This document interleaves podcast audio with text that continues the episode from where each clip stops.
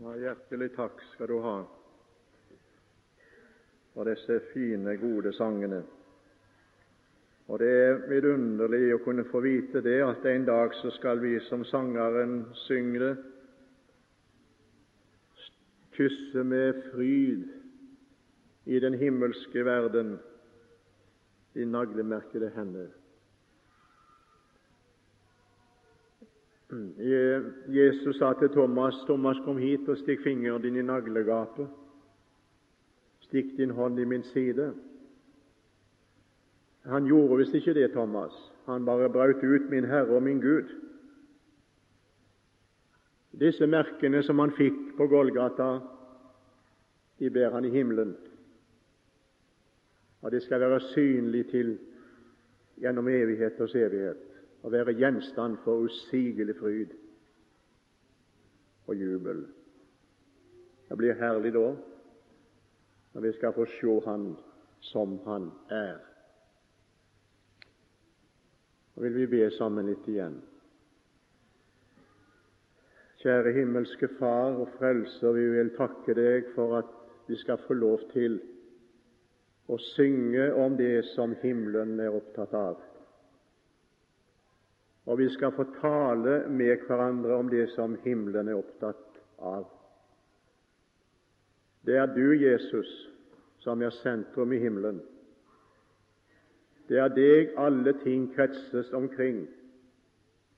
Du er midtpunktet der. Og vi vil takke deg, Herre, for vi får lov til å se i ordet ditt, at du sitter ved Faderens høyre hånd og er en soning for alle våre synder, men ikke bare for våre, men for alle i hele verden. Og Herre Jesus, snart så reiser du deg ifra tronen, og så går du til lufthimmelen, og så roper du ut opp ditt folk og plasserer de der du har beredt deg i sted. Og Nå vil vi be deg, Jesus, om at vi må få løfte våre åndelige øyne og blikket oppover i denne time. At vi får se inn i framtiden, i framtidsboken, og Herre, den plass som du har beredt oss i din herlighet. Så vi kan glede oss til det. Vi ber i Jesu navn, gi nåde til å tale og nåde til å høre. Amen. Det som snart skal skje, er emnet for vår bibeltime. Og Vi er nå kommet til eh, kapittel 4 og begynt på kapittel 4 i Johannes' åpenbaring og har talt lite grann om de to første ting som Johannes så og hørte og opplevde når han var på Patmos og var bortrykket i ånden på Herrens dag. Vi begynte i forrige bibeltime å snakke om det Johannes så, hørte og opplevde ovenfra.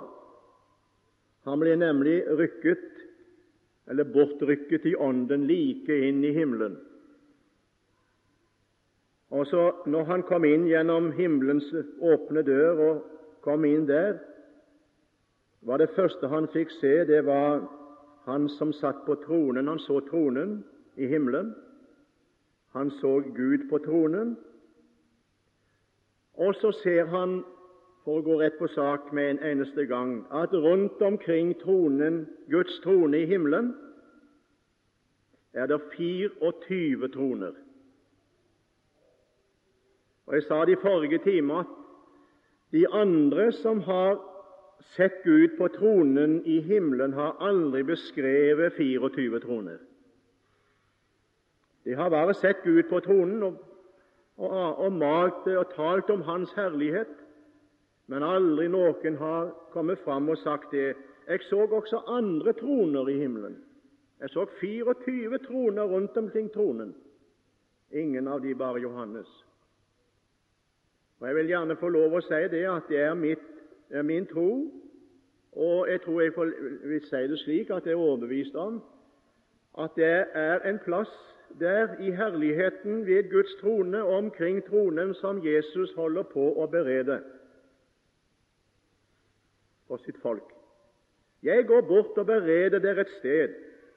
Og Når jeg har gått bort og beredt dere et sted, ikke, ikke i Faderhuset med de mange rom, for dere er rommelig nok, men et sted som ikke har vært der før. Det er troner som ikke har vært der før, som han bereder. Og så skal han komme og hente oss til seg, at vi skal være der han er. Vel, nå skal vi komme litt inn på det. Han ser nemlig 24 troner og 24 personer. Vi skal lese fra kapittel 4, og vi tar da med vers 4. Og så skal vi gå litt inn i kapittel 5, for både 4 og 5 taler om de 24 eldste som sitter på tronene. I eh, kapittel 4 heter det vers 4.: Og rundt omkring tronen var det 24 troner, og på tronene så jeg 24 eldste sitte, kledd i hvite klær, med gullkroner på sine hoder. Vi stiller da ganske enkelt det spørsmål hvem er de 24 eldste? som sitter på 24 troner, og som ikke har vært der før, men som nå er kommet dit når Johannes ser inn i framtiden. De sitter der ikke ennå heller. Det har med framtiden å gjøre. Det er mange som har gransket dette og talt om det. og Det er det som er så merkelig, dere, at eh, når vi taler om disse skarene og personene i Johannes' åpenbaring, så får de lærde, iallfall, om vi skal si det slik, de får det iallfall til at det må være menigheten alt sammen. Menigheten, det er jo det er jo den store skare foran tronen, f.eks. Det er menigheten. De 444 000 er menigheten. Jeg vil gjerne få lov å skal komme litt inn på det i de siste bibeltimene. Jeg skal tale om det vil jeg gjerne få lov å si det er bare én skare som er den menigheten, for å holde oss rett i saken, og det er de 24 eldste. Og, og, så er det da sagt om disse personene da De 24 eldste det må være himmelske vesener, det må være englefyrster, ja, det må være noen som ikke vi kan tolke lik som de fire livsvesener osv. Det er ingen som kan vite hvem de 24 eldste er. Jo, det vet vi. Og Nå vil jeg gjerne her få nevne en fire-fem ting under dette, dette emnet her. Hvem er de 24 eldste? Er det engler? Jeg vil prøve å overbevise og vise det til Skriften hvem disse er. Og Da vil jeg for det første si det slik det kan ikke være engler eller himmelske vesener, fordi verken engler eller andre himmelske vesener blir kalt for eldste i Bibelen. Aldri. Der tales om overengelen det tales om overengelen Mikael og engelen Gabriel som står for Guds åsyn.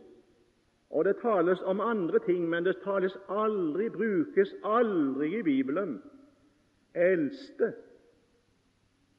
på himmelske vesener, englefyrster, eller hva du måtte kalle det.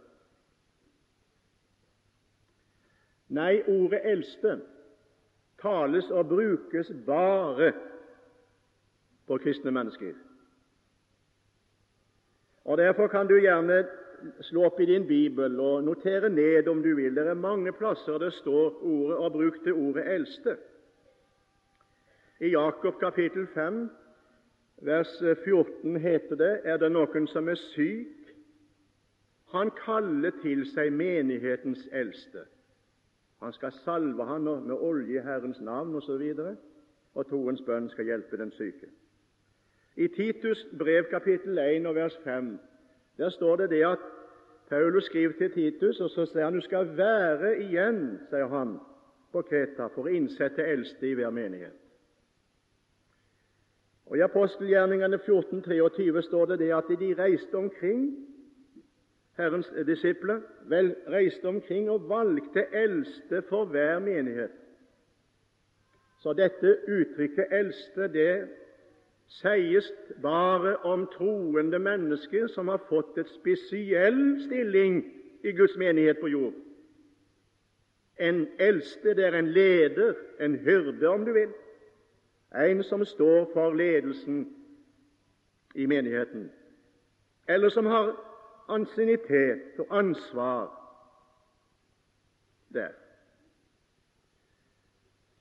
For det andre vil jeg få understreke det at de 24 eldste de kan ikke være engler eller englefyrster. For engler bærer ikke hvite kjortler og gullkroner på sine hoder. Det skal de troende gjøre. Og Jeg må gjerne si jeg har lest litt i Bibelen, også Johannes' åpenbaring. Ikke finne det at englene har slik utstyr som dette. Men jeg leser derimot om Jesu Kristi brud og hans menighet som skal rykkes til seg i himmelen. Disse, sier han, den som seirer, slik står det i Åpenbaringen 3.5. Den som seirer, skal således bli kledd i hvite klær. Og jeg vil ikke utslette hans navn av livsens bok, og jeg vil vedkjennes hans navn for min Fader og for hans engler.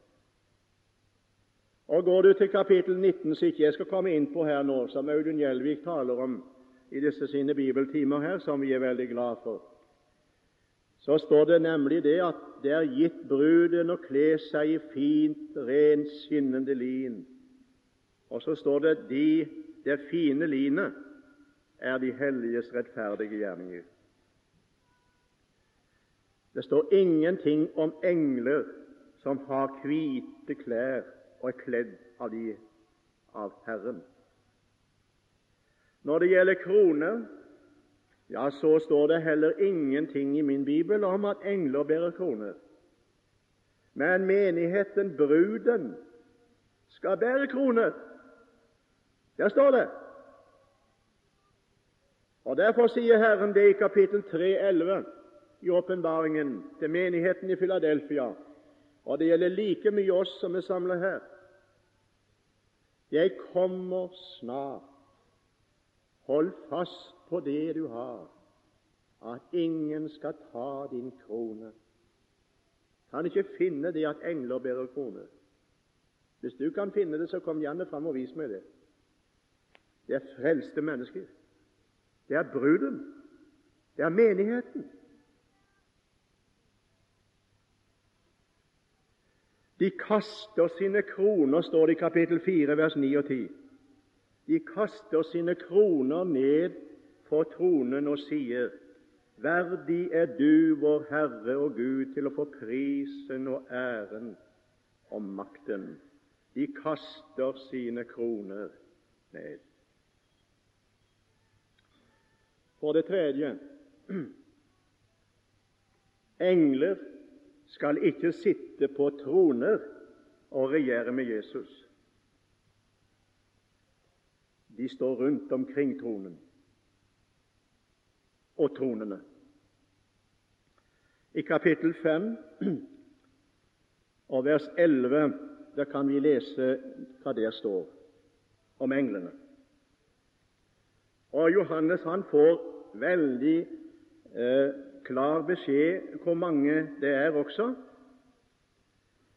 Og det står slik Og jeg så og jeg hørte en røst av mange engler omkring tronen, og livsvesenet, og de eldste. Og tallet på dem var ti tusen ganger ti tusen og tusen ganger tusen omkring tronen, de fire livsvesener og de 24 eldste, sto det en skare av engler rundt omkring. Og så stor en skare, sier Johannes, at de var 10 000 ganger 10 000 og 1000 ganger 1000.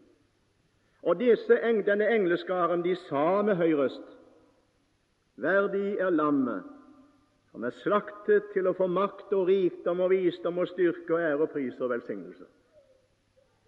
Det sa de. Men de sto rundt omkring tronen og de 24 troner og de fire livsvesener. Ja, men skal menigheten sitte på troner? Ja, det skal de.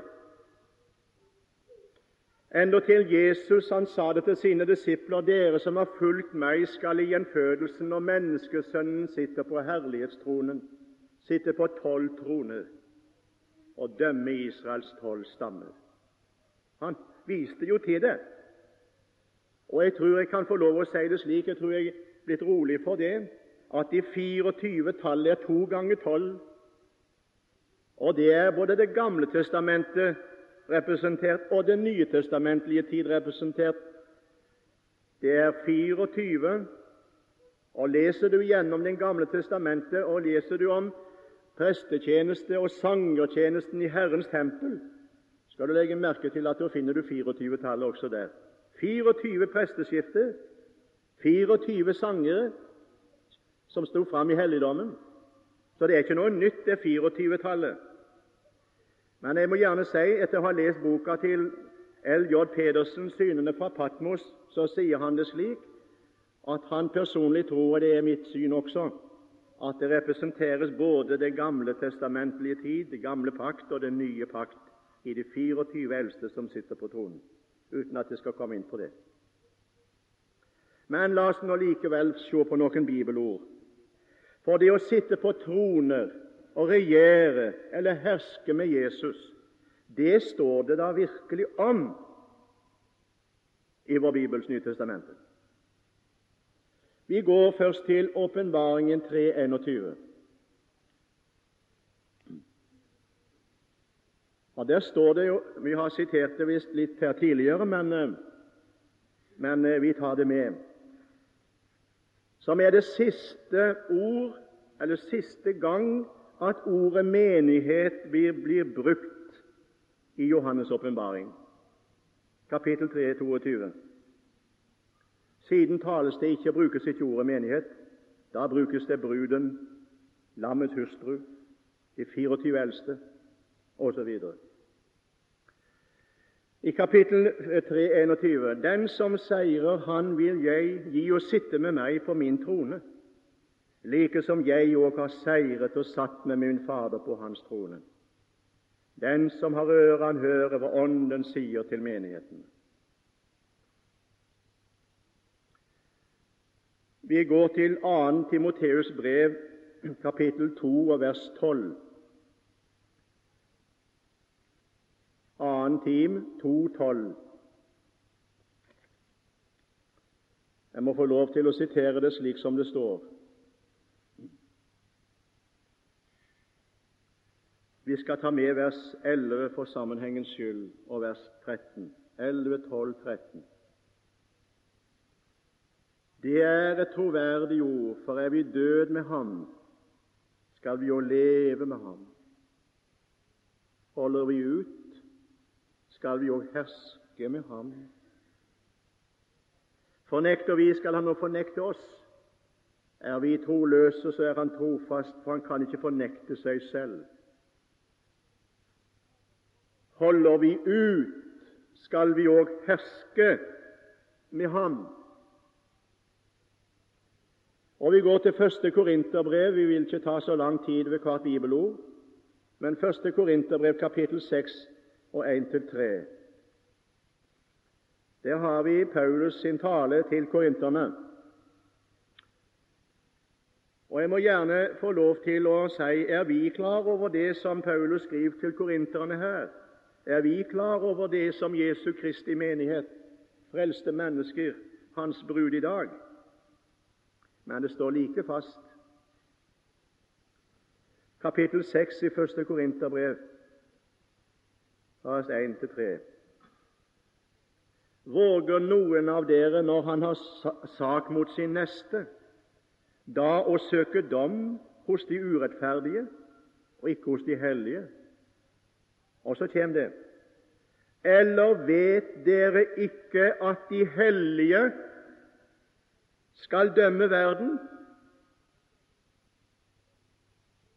Ikke dømme og falle en dom. Det ligger ikke heller i grunnteksten. Det er ikke å dømme, og nå skal vi dømme, for det er bare en som skal dømme. Men vi skal styre, regjere, herske. Være konger på jorden, heter det en annen plass. Det kommer jeg tilbake til. Vet dere ikke at vi skal dømme verden? De hellige skal dømme verden. Altså styre verden sammen med Jesus i tusenårsriket. Og dersom verden blir dømt ved dere, er dere da uverdige til å dømme i de ringeste saker? Altså, Det skulle jo ikke være slik at dere som kristne mennesker skulle føre sak for det og domstoler. Når dere en dag skal sitte og, og styre, regjere og herske og dømme sammen med Kristus, da skulle dere være forsiktige med, sier Paulus til korinterne, å føre dere sak framfor slike vantroe domstoler når dere en dag skal dømme også de som sitter på disse domstolene.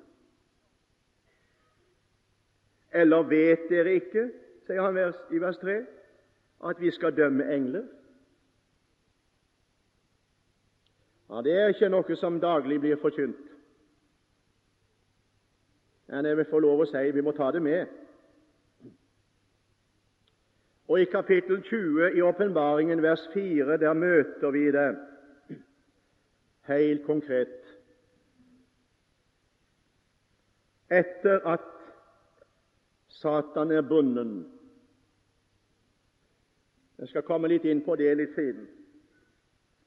Men eh, jeg må få lov til å si det her at jeg kan ikke skjønne det med min beste vilje, altså. Når dere er forkynnere eller lærde mennesker som kan si det at Satan han, må, han er bunden i dag.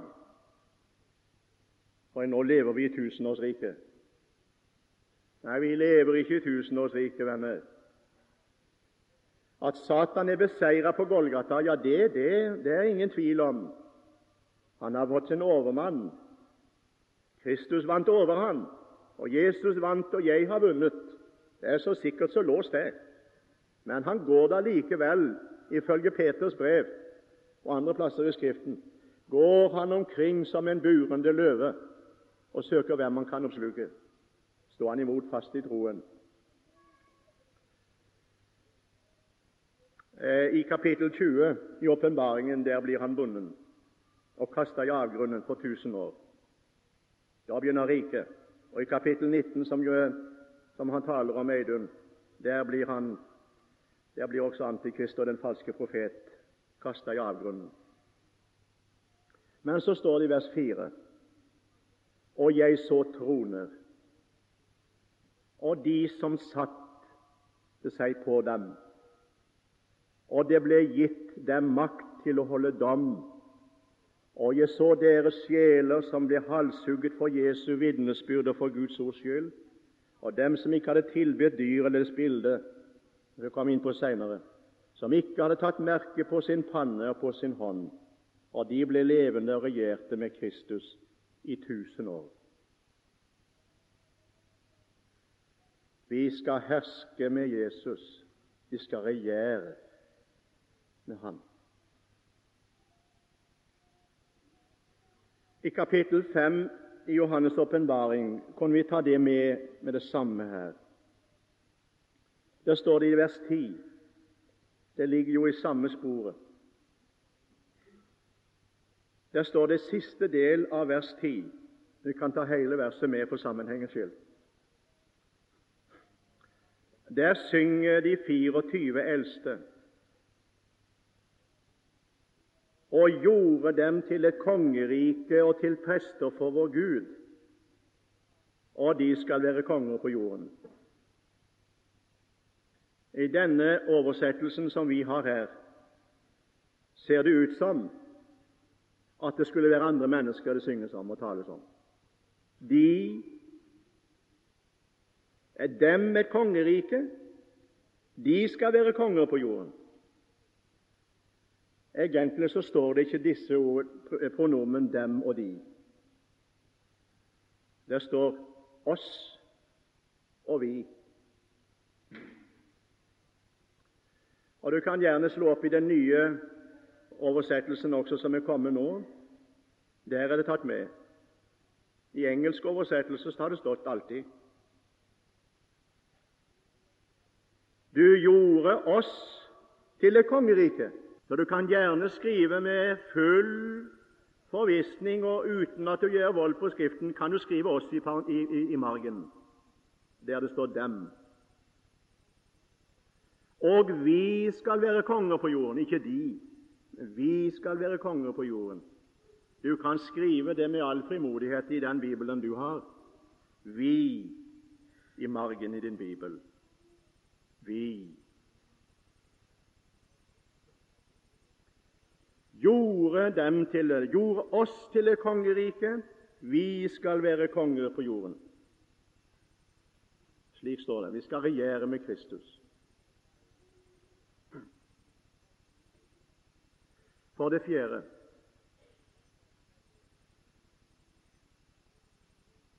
de engleskaren og englefyrster som det sies de 24 eldste må være, kan det umulig være. Hvorfor det? Fordi at engler Og nå må du høre, du. Engler eller hvilket som helst himmelsk vesen utenom det å være menneske har ikke del i forløsning og gjenløsningen på Golgata. Og det skal vi understreke i kapittel 5 og vers 9. Vi skal komme litt inn på det siden når vi skal tale om bokrullen som er i Herrens hånd.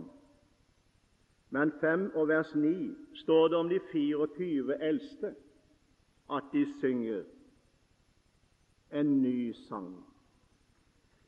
En ny sang en sang som aldri har vært sunget i himmelen før,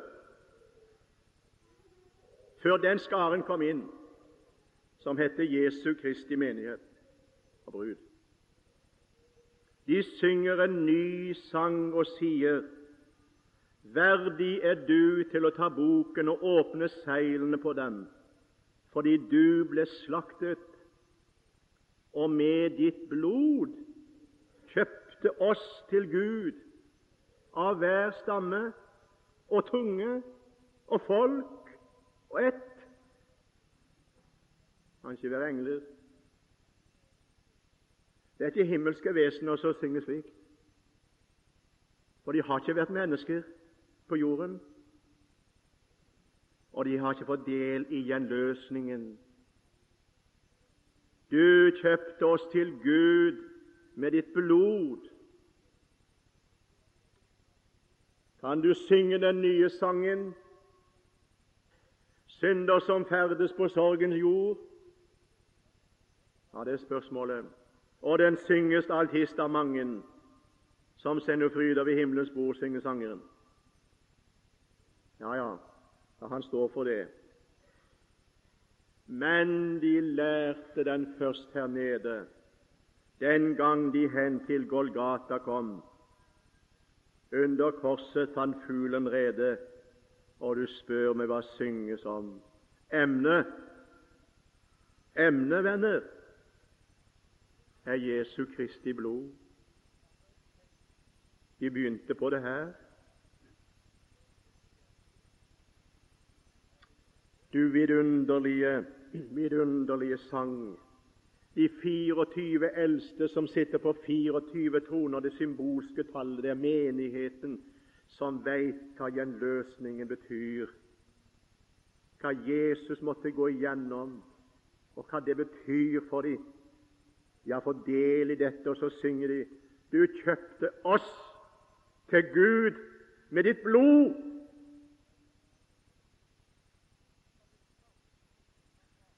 Om ikke så lenge, venner, om ikke så lenge så skal du og jeg få lov å oppleve i evighetens fulle drag betydningen av Golgata. betydningen av Golgata. Her ser vi med små glimt.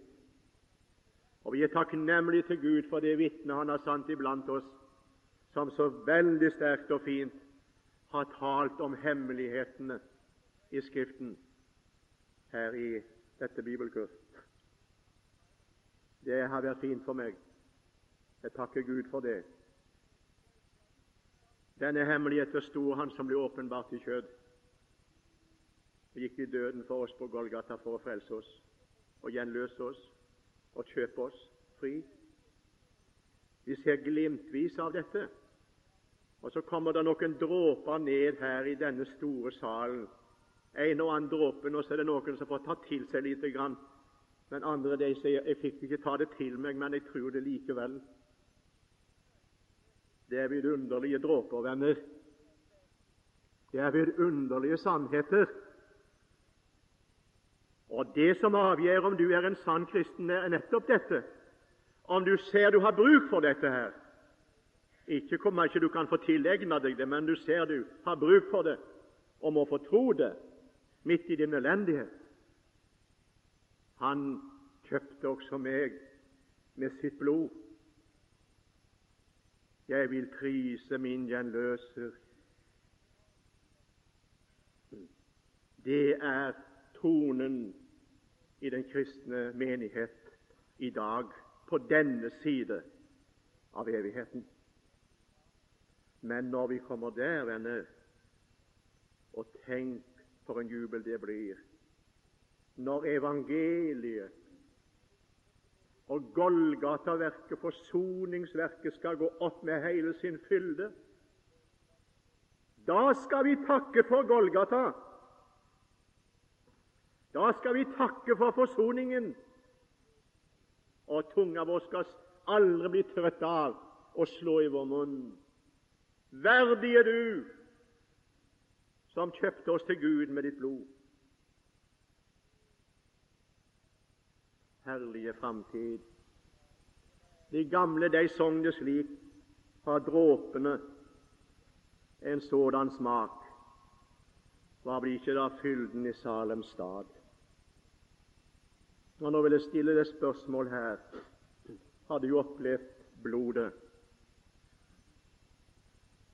Kan du synge den nye sangen? Kan du være med her nå og si Du kjøpte meg til Gud med ditt blod. Er det blitt klart for deg? Har du fått sett inn i det? Er du begynt å synge den? Skal du være med der? De lærte den først her nede, den gang de hen til Golgata kom. Og om noen kunne begynne på den her nå, i bibelkurset på Åkerhavn, og lære den tonen, få se inn i dette gjenløsningsverket og forfryde seg og glede seg over det Her vil jeg slutte. Vi vil fortsette i neste bibeltime jeg skal ha, og si mer om de 24 eldste, og bevise det ut ifra Skriften at det ikke kan være noe annet, andre personer enn bruden, Jesu Kristi sanne, levende menighet, som sitter på disse tronene de har ikke satt seg der ennå, men det forestår snart den dagen. Da skal vi fare oppad i skare hjem for å benkes ved himmelens bord. Kjære Jesus, og om du kunne få vise oss dette. Dette er min framtid. Slik skal det bli. Når porten går igjen bak vår rygg, den dør som er åpna ved din stedfortredende lidelse og død, når den åpnes, den lukkes, da er vi innenfor. Og så skal vi fryde oss i din frelse gjennom evigheten lang. Det er emnet for vår sang. Vi skal ikke synge noen annen sang. Det er den nye sangen som vi lærte på Golgata. Herre, takk skal du ha for vi får lov til å synge den her og lære den her og synge den i himmelen en dag. Velsign alle som er i denne store sal i kveld, til å bli med i det sangkoret. Amen.